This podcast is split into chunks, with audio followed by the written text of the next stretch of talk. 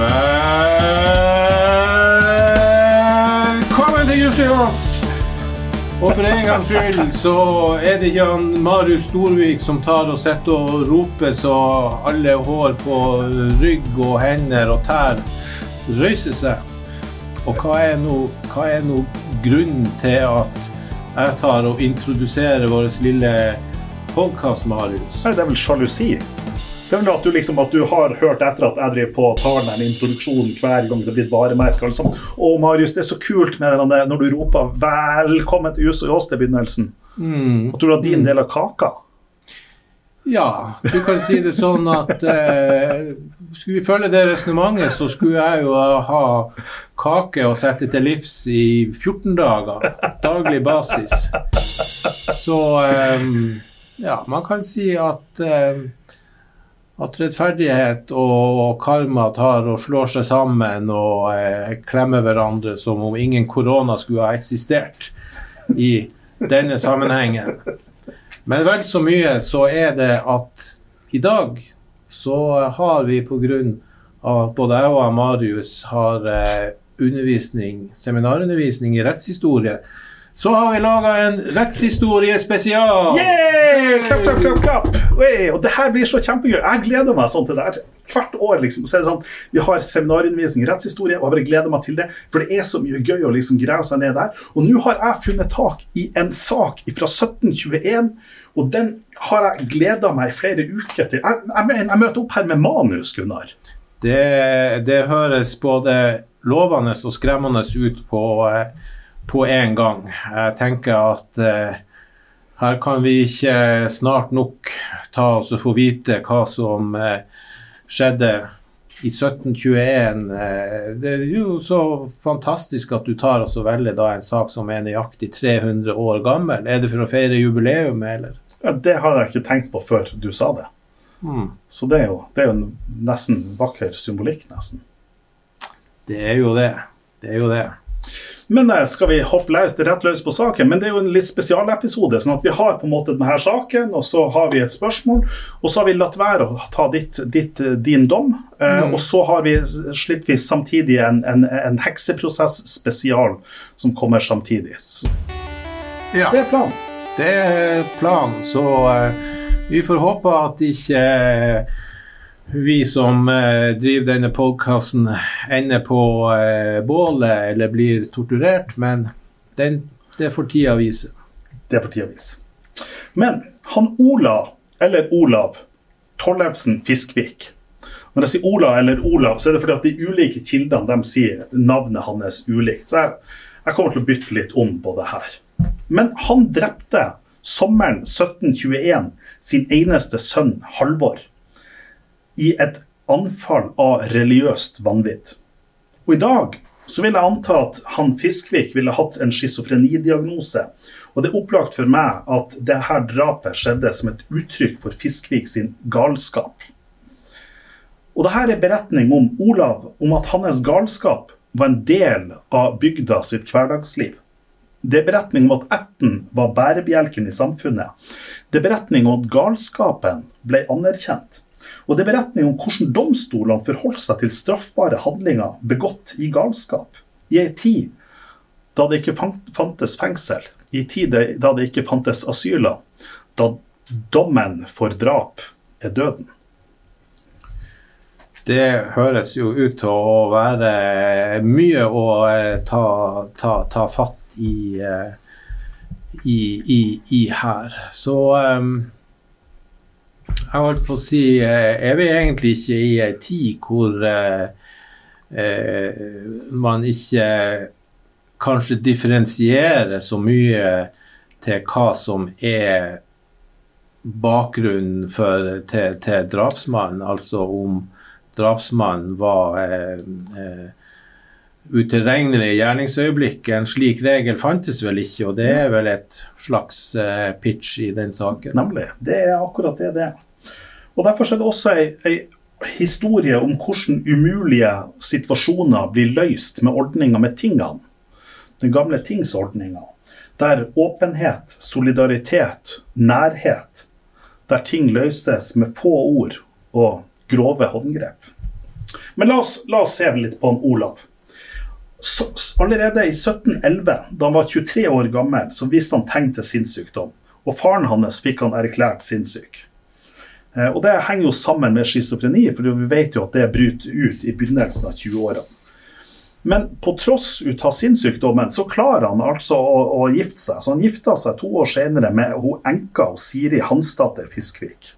Og Siri Hansdatter Fiskvik hun var altså datter av Hans Embretsen Kvernes, han som blir omtalt som hundreåringen. Dette er liksom detaljer som det, det, det, kommer, Betydninga kommer inn litt senere.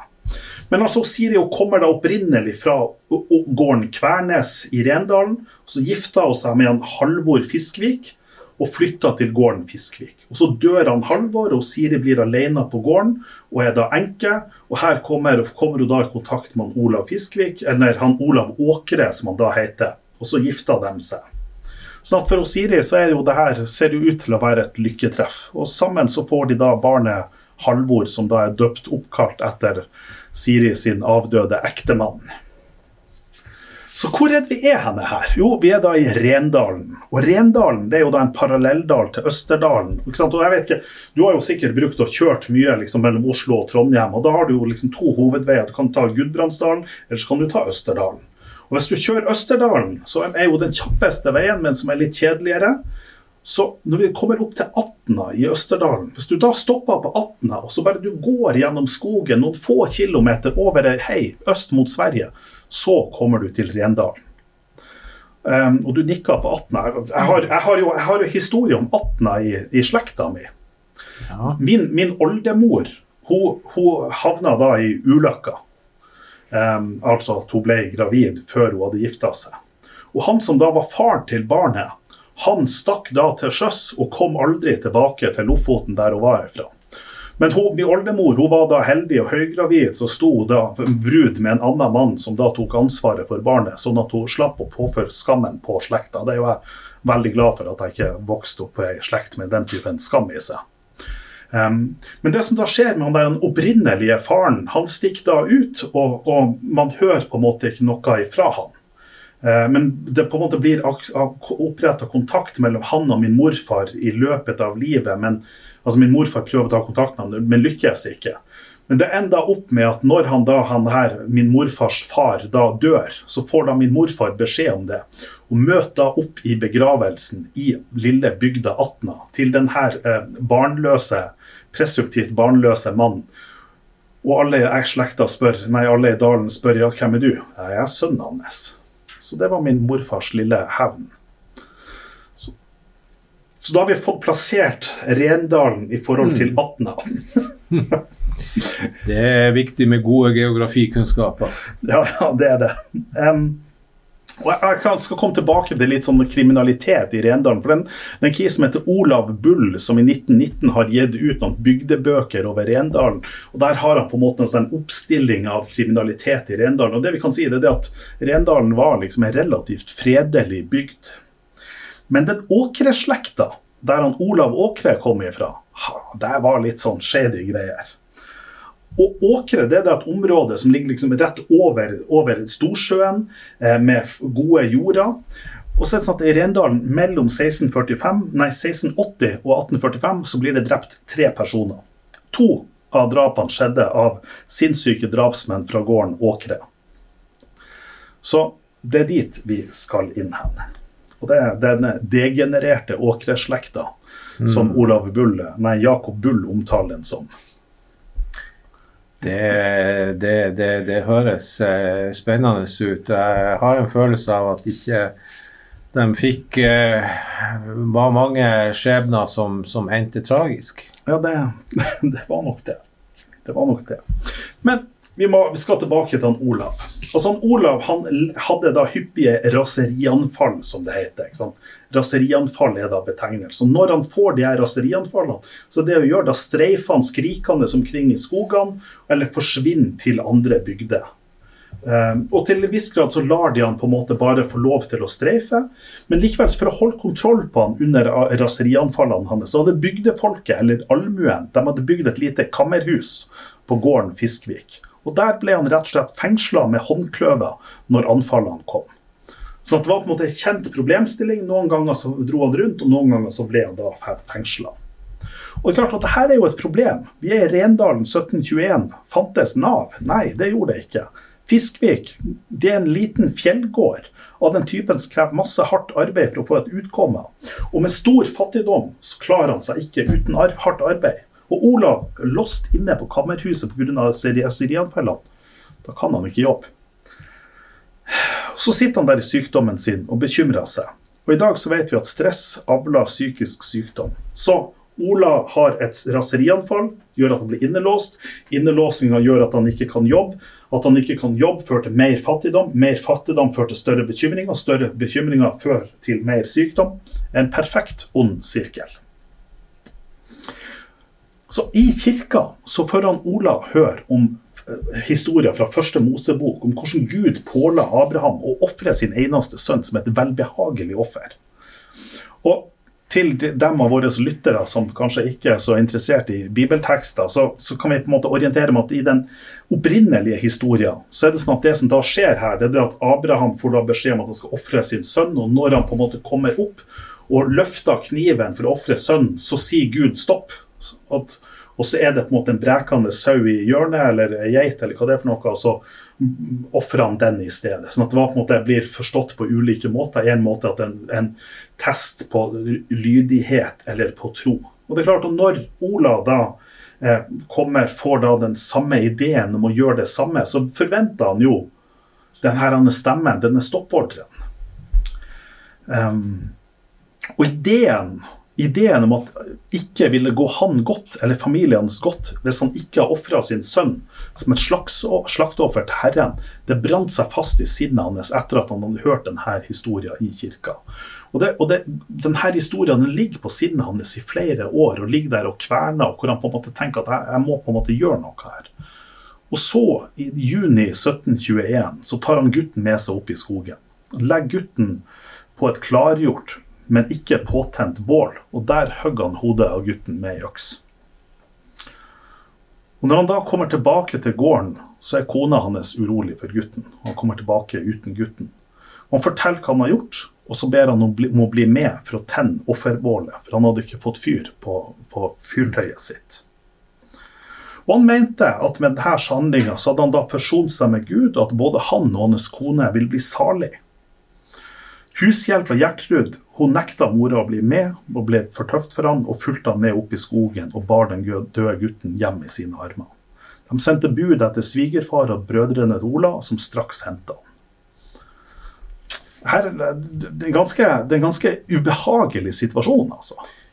Det er en ubehagelig situasjon. Her er det ikke bare å hive seg på tråden til 110, 11, 12 og 13. Ja.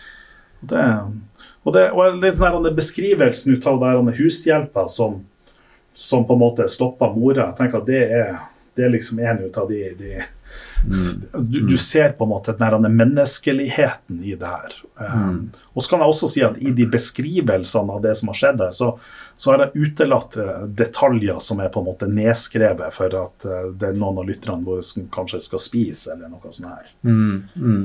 Ja, de var jo ganske eksplisitt i sine beskrivelser. Ja, de var det. Men så, så, er jo det som da skjer her, det er det, at, det er det at Hva gjør man i en sånn her situasjon? Og det man da gjør, da får man jo en rettssak. Og da har du jo fått, du jo fått en, en, en, en sorenskriver eller en lagmann, og du har et ting her på bygda. Sånn det blir innkalt til et ting hvor det skal på en måte være dom, og hvor det på en måte skal være en rettssak. Og, og, og den, den, kilden til den her, hovedkilden til det her, det er jo da den tingsboka hvor den der sorenskriveren da fører ned eh, sirlig hva det er som skjer, og på en måte beskriver hva det er de ulike vitnene sier. Beskriver på en måte den forhandlinga på tinget her.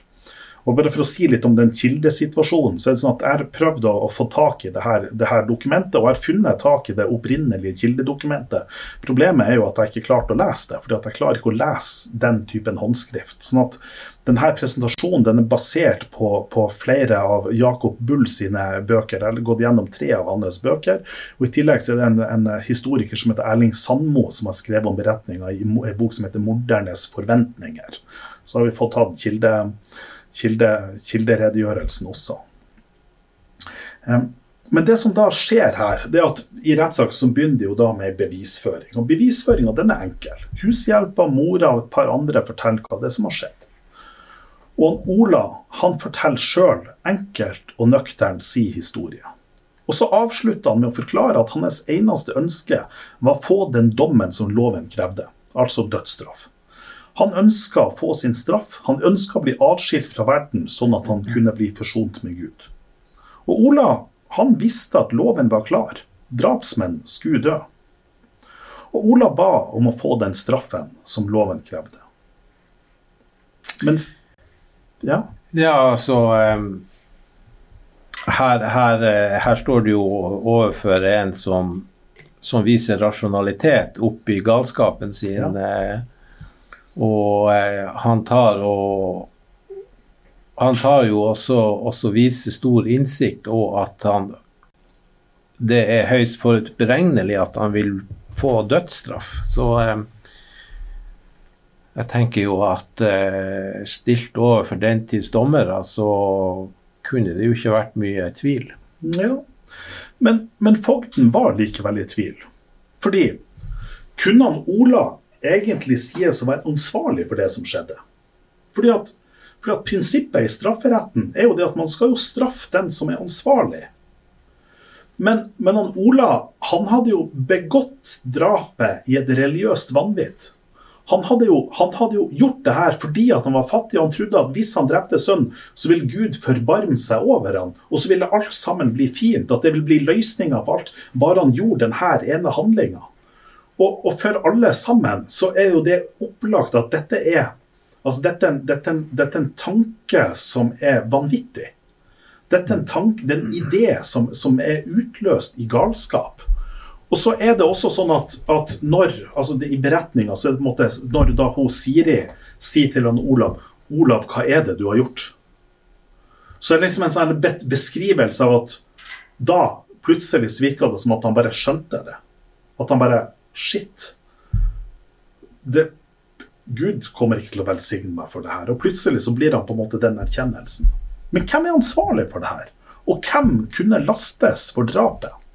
Og det sorenskriveren gjør, eller fogden, det at han stiller spørsmålet hvem er ansvarlig for drapet? Og så vurderer han kan Ola være ansvarlig for drapet.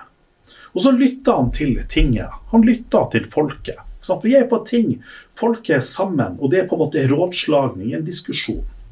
Og folket forteller Ola har vært sinnssyk i mange år. De forteller at han har vært sperra inne. De forteller at de har sjøl har vært der oppe og bygd til den kammerstua til han. Og de forteller at det er ikke noe ondt i han Ola. De forteller om en mann som levde i ytterst fattigdom på ei leid jord på avsidesliggende sted i en avsidesliggende dal. Ola kan jo ikke være ansvarlig for det her. Og så spør fogden men hvem kunne ha grepet inn? Siri sin far han var en fattig olding på 85 år. Jeg minner om at det er han, her er han som da blir omtalt som 100-åringen. Han var 85 år på dette tidspunktet. Um, og de finner ut at nei, han kan ikke altså Han kunne på en måte ikke ha gjort noe her. Han kunne ikke ha stoppa Ola, han kunne ikke ha hjulpet noe. Og Dermed så rettes blikket mot Ola sin ett, Ola sin familie. Ola sin familie visste om hans sinnssykdom, og de kunne ikke vri seg helt fra ansvaret, fordi han hadde byksla sin egen gård. De måtte på en måte bære ansvaret for han. Etta strekte seg etter at han hadde flytta ut. Og Derfor så kommer fogden fram til at nei, jeg kan ikke la han Ola dø. Dødsstraffen som loven krever, den krever at det er et ansvarlig her. Og dødsstraffen skjedde ikke. Ola ble eh, ikke drept. Men hva skulle man da gjøre med Ola? Jo, Ola sitt første forslag det er at han, han foreslår ei bot. At han Ola må betale bot, og at han blir innesperra på fangehuset hjemme på livstid. Hva du tenker om den løsninga, Gunnar? Ja, så eh, her tar du jo eh, tenker at eh, Min første tanke er jo at, eh, at det du står eh, det du, Etter det du forteller, så, så, er jo det her et, eh, et eksempel på at vi kanskje begynner å ane en humanisering av, Mm. av strafferetten. Det er nok det. At vi eh, rett og slett tar og begynner å eh, Istedenfor å legge altfor tung vekt på det som objektivt har skjedd, tar og så eh, går inn mer detaljert i handlinga og ser på hva som er bakgrunnen for Mm. handlinga. Og her er det jo, som du så fint forklarer, åpenbart at, eh, at det er altså det, det er sinnssykdom eh, du kaller det religiøst vanvidd, men altså drapsmannen lar seg inspirere og tar bokstavelig denne her eh, beretninga fra, fra Det gamle testamentet til seg. Og gjør jo da noe som, som er helt klart motivert av, av, av sinnssykdom. Og eh, i det alternativet der med altså en slags livstidsdom, der har vi jo klare likhetstrekk til, til dagens eh, eh, ordning med at de som eh, er sinnssyke, settes i såkalt Mm. forvaring. Ja. Jeg skal, skal komme, fordi at dette var, dette var, vi, er kommet til, vi er til Fogden sitt forslag. Men, men jeg er på en måte enig i, i resonneringa di de så langt. Um, og, og det er klart, vi er jo på en måte et sånn eh, Altså, hvorfor skal vi straffe noen? Altså, altså no, når han Ola har drept sønnen sin, skal vi da drepe han Ola som en hevnreaksjon fordi at han har drept sønnen hans? Men er det egentlig Kan man si at det er Ola som har gjort det? Det er på en måte ikke Ola sin bevissthet. Det er ikke hans, det er ikke hans vilje. Han har ikke hatt en vilje om å drepe barnet sitt. Han har hatt, fått en idé som han ikke har klart å styrt. Um, det er et utslag altså det, det er hans galskap. Eh, Det er kjempevanskelig. Men, men det som skjer på tinget her, det er at når, når fogden da sier, kommer med det her forslaget om at, om at han Olav må betale bot og bli innesperra i, i hjemmet sitt, så setter hun Siri ned foten. Og Siri hun sier hun er ei forgjelda dame med gjeld som er langt bortafor det noen noensinne vil klare å betale i ei livstid. Og hun har ikke råd til å ha en mann i kosten som ikke kunne jobbe. Og hun har ikke råd til å kunne betale ei bot. Fordi at hvis han, hvis han skal betale ei bot Han har jo ikke penger. Mm. Hvem er det som skal betale den bota? Og det her Og enda viktigere så peker hun på det at hun er et svakt kvinnfolk som bodde langt fra andre, og at hun ikke kunne beskytte seg om det trengtes. Om han klarte å rive seg løs, så hadde ikke hun noe som helst beskyttelse. Og Da tar dommeren og fogden og revurderer forslaget sitt. Og Dette blir da dommen. Ola frikjennes for mordet på sin eneste sønn, gutten Halvor. Men retten erklærer at hustrua ikke kunne ha sin sønns drapsmann på den ensomme og fattige gården. Faren til Ola, på Åkre, som var hans nærmeste frende, slår dommeren fast, og han blir påbudt å holde han som innesperra som sinnssyk til sitt livs ende. Sånn at denne dommen som dreier seg om Ola, det ender opp med at faren til han Ola blir dømt. Han blir dømt til å ha ansvaret og passe på sin sønn inntil sin ende. Og så er det da en beskrivelse at han da satt resten av sitt liv i et opptømra bur på sin fars gård Åkre. Med halsjern var han lenka fram til veggen, til veggen fram til sin død i 1751. Og folk som kjørte forbi, kunne høre han synge, gråte, be, bann eller høre lidderlig tale. Og der stopper liksom historien, men så står vi med spørsmålet hvordan skal vi forstå det her? Ja, eh, her, eh, her er jo Her står man jo bestandig, tenker jeg, i en, eh, i en fare og risiko når man eh, tar også, også leser om, om slike fortidige forhold. At man tar også ser og vurderer forholdene med på en måte da, dagens briller, Mm. mens man ser bakover. Nemlig. Og det som vi må prøve å gjøre, er jo at vi må prøve å sette oss inn i altså, samfunnsforholdene som de var på den tida, og så prøve å forstå det her eh, arrangementet ut fra datidens eh, forhold. Jeg er helt enig. Ja. ja. Så det første som slår meg, det er jo at man eh, på den tida i et, eh, i et, i et Norge da som eh, ja, vi kan jo trygt si eh, var da en koloni under Danmark, og så eh, i seg sjøl var Norge da nærmest et utviklingsland. Og eh, vi hadde begrensa ressurser når det gjaldt eh, både da eh, eh, tvangsapparat og ikke minst eh, ordning eller et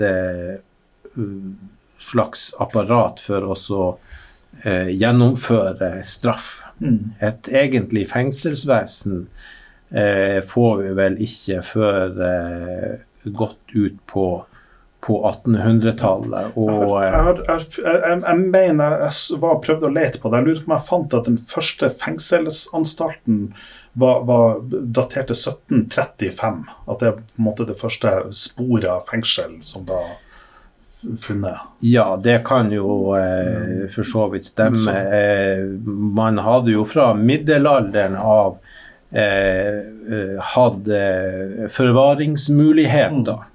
Gjerne da med, i forbindelse med hva vi si, herskere og eh, tingsteder som hadde mm. da fangehull og sånt for å ta seg av, av forbrytere. Men et hva eh, vi si, eh, apparat slik vi kjenner det i dag, som eh, både da kan ta og håndtere ordinære straffedømte og også ta seg av straffedømte med spesielle behov, som vi jo mm. står overfor her. Det, det, hadde vi ikke. Og, og, da kommer jo det andre inn, nemlig eh, eh, altså slekta eller, eller ætta sin, ja. Eh, sin, posisjon. Eh, når vi er på 1700-tallet, mm. så er det vel riktigst å si, å si, si slekta. Og det vi eh, her kan utlede, det er jo da at, at, at slekta har, har ei spesiell posisjon. Og at i denne saken så trekkes rett og slett slekta inn som Eh, og, og, pålegges å eh, fullbyrde straffen mm.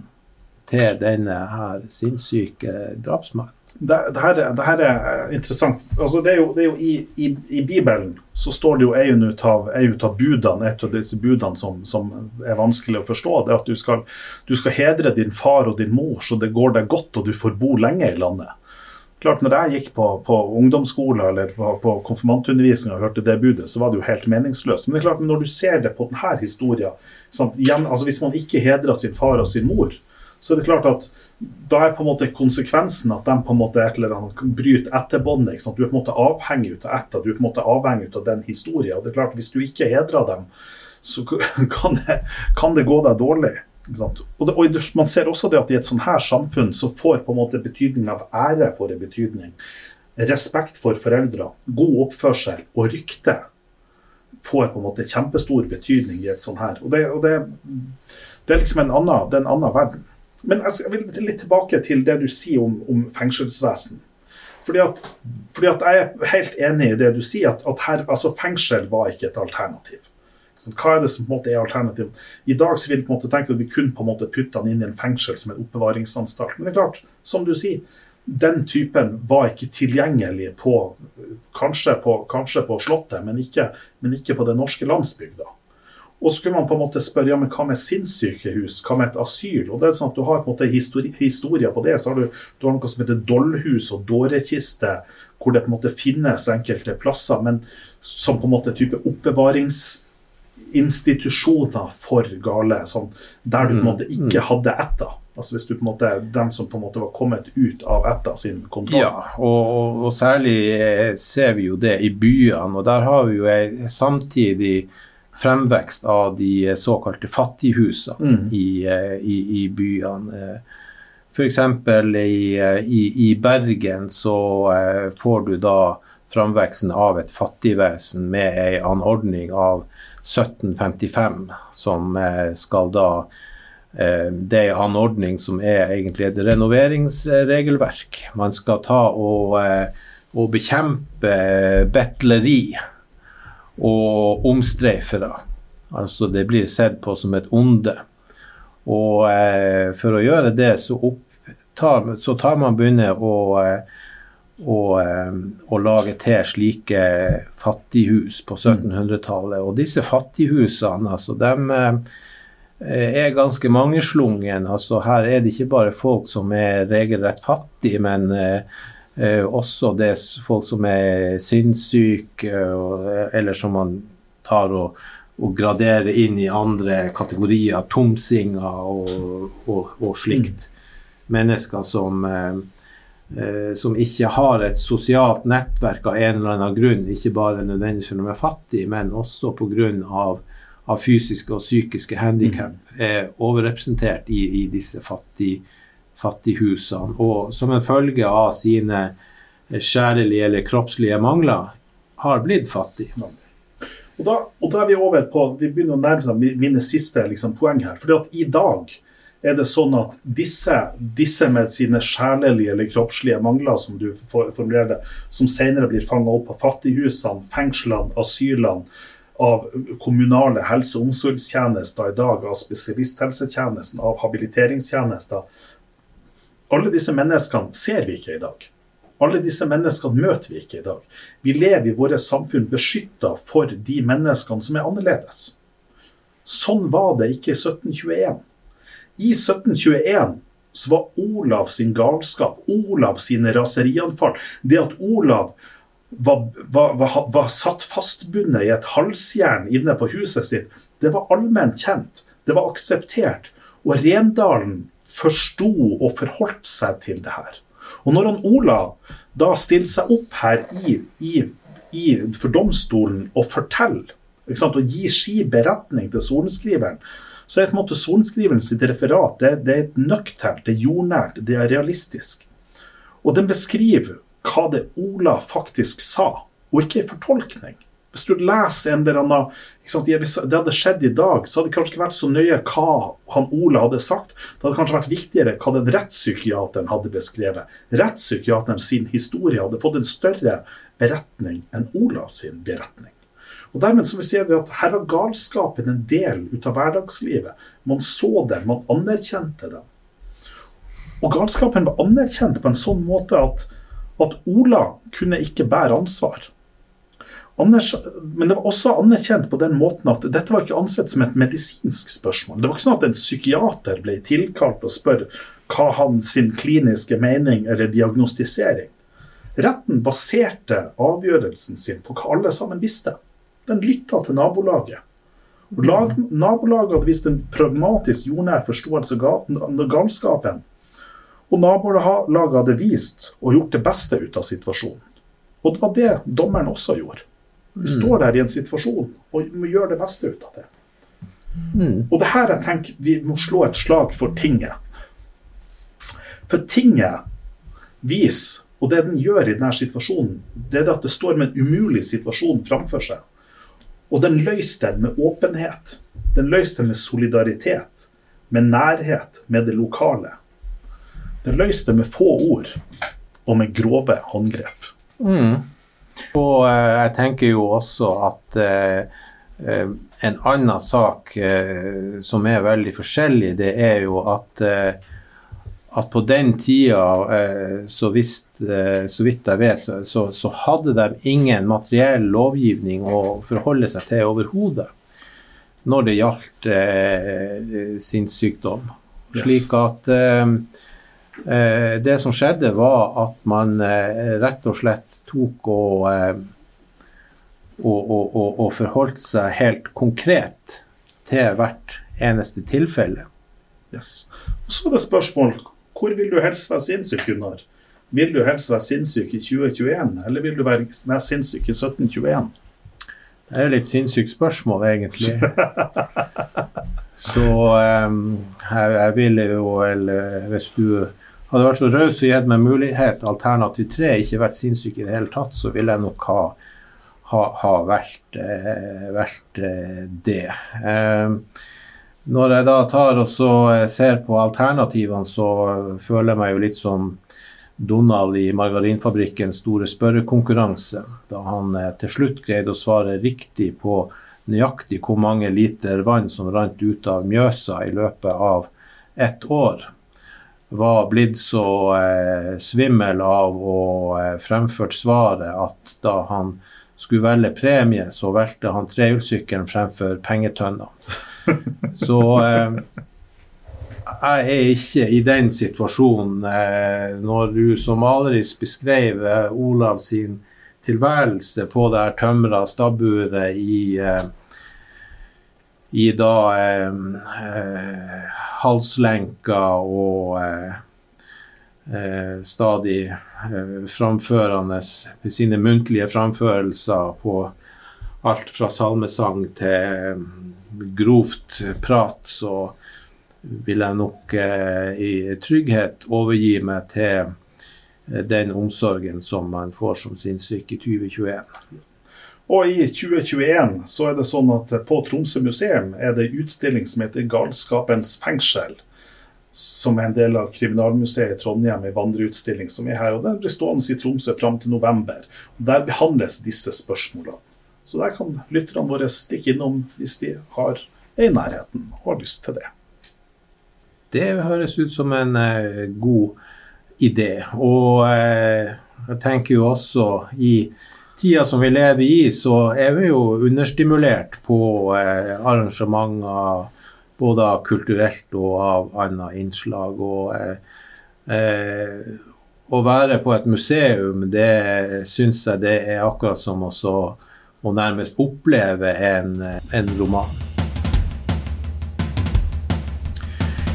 Ja. Eh, vi eh, har jo også åpna for at vi eh, tar imot eh, spørsmål. Og som jeg nevnte innledningsvis, så har jo både jeg og Marius nå undervisning i rettshistorie, og det har kommet et spørsmål Jeg tar vel og mistenker kanskje det er en av årets ivrige studenter som har, har stilt det spørsmålet. Og spørsmålet går på at vi lærer i rettshistorien at eh, vi hadde fire eh, lov, lovlandskap. Eh, Eidsivating, Borgarting på Østlandet og Frostating i Trøndelag og Gulating på, på, på Vestlandet.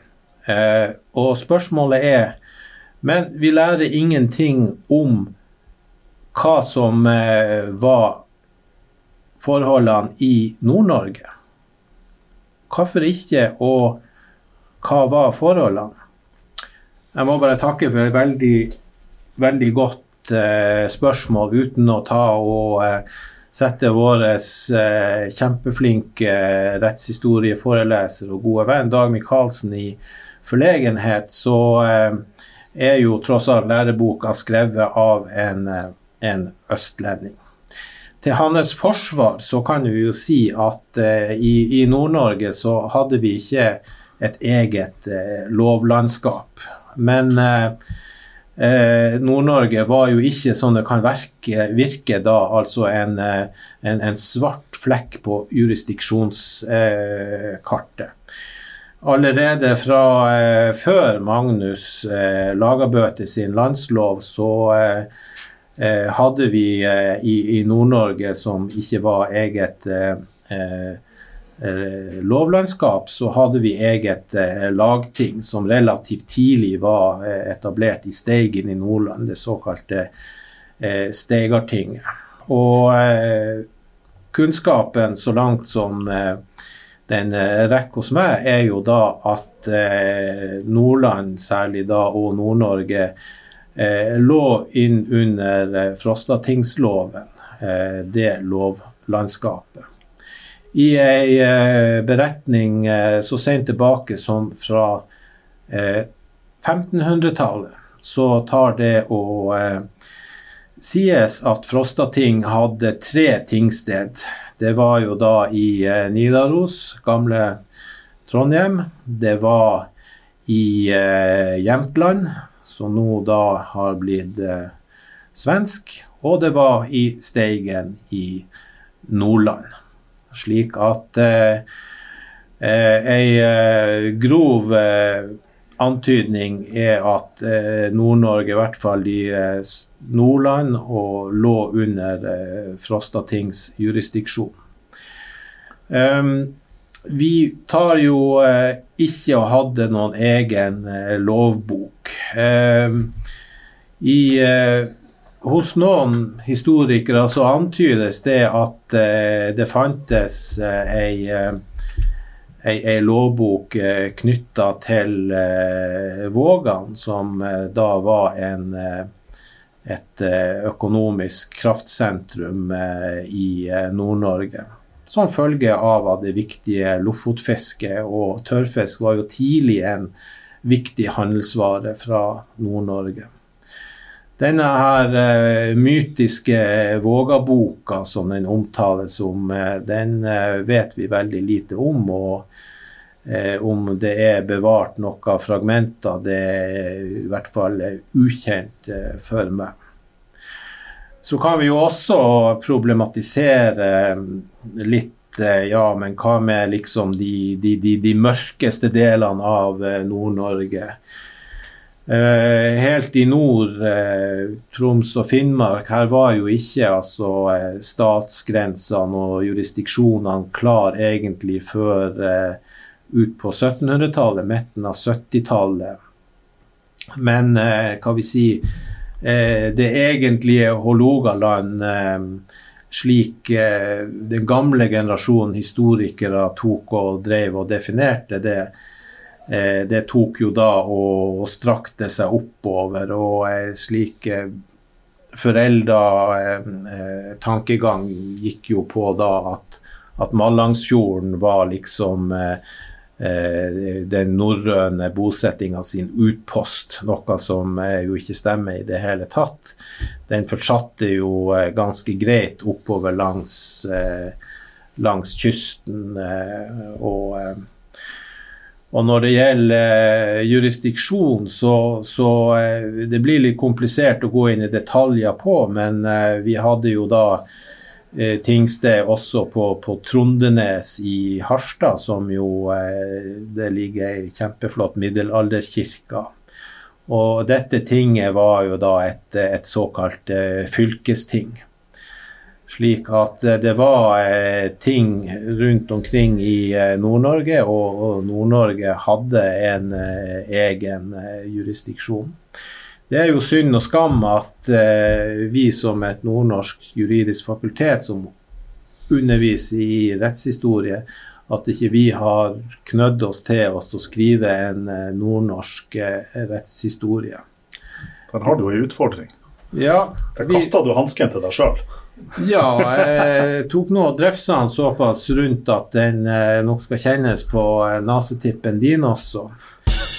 Vi hadde jo eh, en kollega, Åge Tor Falkanger, som jo da tok også eh, Hadde ei eh, Hva man skal si eh, en, en, religiøs opplevelse hvor han eh, gikk fra å være knallhard formuerettsjurist til å bli rettshistoriker. Og han, Åge Tor eh, tok jo og før han dro til Høyesterett og eh, skrev ei fantastisk likda bok som heter 'Lagmann og lagting i Hålogaland', som fremdeles kan finnes i handel, og med undertittel 'Gjennom 1000 år'. Og eh, det er ei fantastisk fin bok og et fantastisk fint bidrag til en nordnorsk eh, rettshistorie. Ja. Og med det så skal vi, så skal vi avslutte her. Men vi, noen av her spørsmålene dem skal vi plukke opp igjen i Juss og Joss eh, hekseprosesser spesial. For da aner jeg dem at vi skal komme tilbake til dette lagtinget i Steigen. Men eh, mer om det i denne episoden. Takk for oss.